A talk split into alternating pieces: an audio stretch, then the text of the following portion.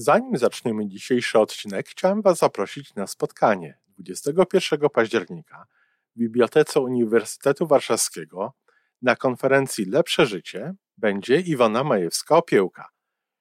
Będzie parę jej wykładów, będzie można sobie usiąść i porozmawiać przy kawie.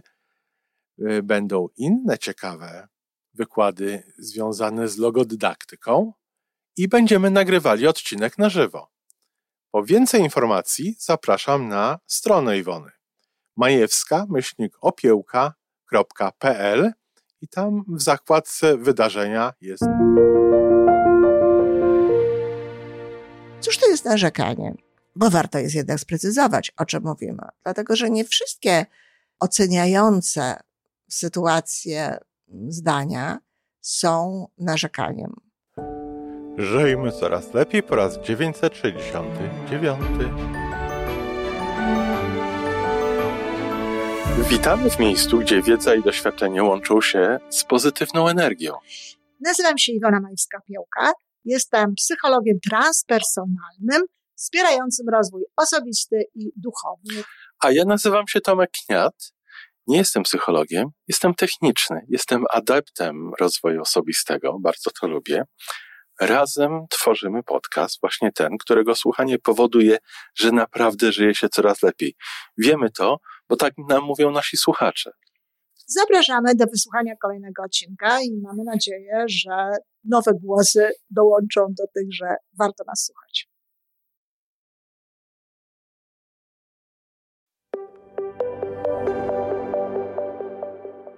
Dzień dobry, z tej strony Iwana Majewska-Opiełka.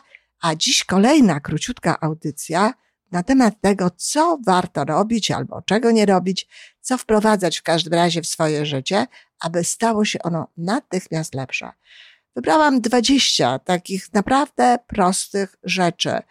Prostych to nie zawsze znaczy łatwych, dlatego że nasze przyzwyczajenie, tak jak w wypadku tego, o czym dzisiaj będę mówiła, nasze przyzwyczajenie często stawia opór i często powoduje, że nie wprowadzamy w tego w życie tak lekko, jak e, mogłoby się wydawać mnie, która to mówi i która w zgodzie z tym e, żyje i w zgodzie z tym postępuje. A zatem kolejna rada. Dziś powstrzymaj się od narzekania. Powstrzymaj się od narzekania, powstrzymuj się od narzekania. To szósta wskazówka. I mam nadzieję, że te poprzednie, przez te ostatnie tygodnie zagościły w Twoim życiu na stałe, że wprowadzasz to, o co prosiłam, że się uśmiechasz, że mówisz serce, że starasz się, aby Twoje życie w każdym momencie miało sens, aby było, dokonywały się w nim różnego rodzaju rzeczy na przyzwoitym poziomie, a nie koniecznie po łebkach, że znajdujesz chwilę dla siebie. A dziś właśnie powstrzymuj się od narzekania. Cóż to jest narzekanie?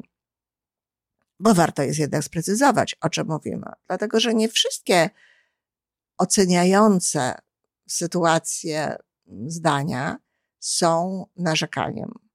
I tutaj oczywiście od razu zaznaczę, że w ocenianiu nie ma niczego niedobrego. Często mówimy nie oceniaj, no nie, na poziomach wzrostu takiego osobistego, tych e, wcześniejszych, zanim dojdziemy gdzieś tam naprawdę do najwyższych poziomów, ocenianie jest nam potrzebne do tego, abyśmy mogli żyć, abyśmy mogli skutecznie działać, abyśmy wiedzieli tak naprawdę, co jest dla nas, a co nie. Sumienie tak naprawdę to jest mechanizm oceniający w naszym organizmie, w naszym jestestwie. W związku z tym, skoro mamy coś takiego, to znaczy, że jest nam to potrzebne. Nie należy osądzać. To jest to, czego faktycznie nie warto robić. A osądzanie, no to jest y, takie y, ocenianie, ale z elementem y, potępienia, z elementem wyrażającym jakieś negatywne emocje w stosunku do tego. Natomiast narzekanie to jest po prostu zwracanie uwagi i często werbalizowanie tego, co nam się nie podoba i uskarżanie się jakby na to, co się dzieje. To jest narzekanie. Narzekanie to jest tak naprawdę koncentrowanie się na tym, czyli przenoszenie energii na to, czego tak naprawdę nie chcemy. Gdybyśmy tego nie robili, ta energia nie poszłaby w tamtą stronę. Nie stracilibyśmy jej i nie wzmocnili przy okazji tego, czego tak naprawdę nie chcemy. Bo mam nadzieję, że pamiętasz z jakichś moich innych wypowiedzi, y, to, czemu dajemy energię, wzmacniamy. A przecież nie chcemy wzmacniać tego, co nam się niespecjalnie podoba. A zatem nie powstrzymuj się, powstrzymuj się od narzekania. Chciałam powiedzieć, nie narzekaj, ale nie powiedziałam tego, ponieważ podświadomość nie zna słowa nie i tak naprawdę co chwila z moich ust płynęłaby rada, aby jednakowoż no, narzekać. Dlaczego nie warto narzekać? Dlatego, że po pierwsze, jak powiedziałam, pozbawiamy siebie energii i dajemy energię temu, czego tak naprawdę nie chcemy. Po drugie, wprowadzamy emocje do siebie, które są emocjami o mm, niskich y, częstotliwościach, czyli tych częstotliwościach, które tak naprawdę naszemu szczęściu nie służą. Wiemy, że, że, że abyśmy byli szczęśliwi, potrzebujemy uczuć i emocji o wyższych częstotliwościach. I jeśli takie emocje również wysyłamy, jeżeli takie emocje również przesyłamy do świata, to mamy szansę na to, że przyjdzie do nas więcej zdarzeń, więcej ludzi, więcej sytuacji związanych właśnie z tymi wyższymi wibracjami. Natomiast zaczynając koncentrować się na tym, czego nie chcemy, na tym narzekaniu, mamy szansę na to, że owszem, tak, przyciągniemy do siebie więcej tych niechcianych tak naprawdę sytuacji, niechcianych zdarzeń. Czyli z tego powodu również nie warto jest e, narzekać. Nie warto jest również narzekać dlatego, że dzięki temu, że koncentrujemy się na przykład w sytuacji, która nie jest komfortowa, koncentrujemy się na tym, co jest lepsze, lepiej się czujemy, powodujemy cały szereg tego, tych wszelkich zmian, o których tutaj mówiłam w kierunku pozytywnym, ale też możemy się skoncentrować na działaniu. Jeżeli skoncentrujemy się na tym, co jest nie tak i tylko będziemy wyrażać tutaj swoją opinię z takim właśnie odcieniem niezadowolenia, z odcieniem rozkoryczenia, rozczarowania, czy nawet czasami złości, to nie rozwiążemy tego problemu. To nie rozwiążemy tego, co przed nami w tym momencie stanęło. Dlatego lepiej skoncentrować się właśnie na tym, ok, sytuacja jest taka, jaka jest, są to fakty, co jest w tym dobrego i jak mogę zareagować, co mogę zrobić dalej, aby ta sytuacja była lepsza. To jest właściwa postawa.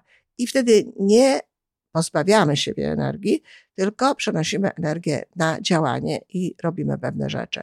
Czasami te działania są konkretne, działania fizyczne w rzeczywistości, a czasami są to działania związane z naszym umysłem, związane z naszym mózgiem, związane ze zmianą naszej postawy bardzo często y, dobrym sposobem na to, aby właśnie nie ulec takiej pokusie e, narzekania, jest y, skoncentrowanie się w tym na czymś dobrym albo odcięcie się od tego.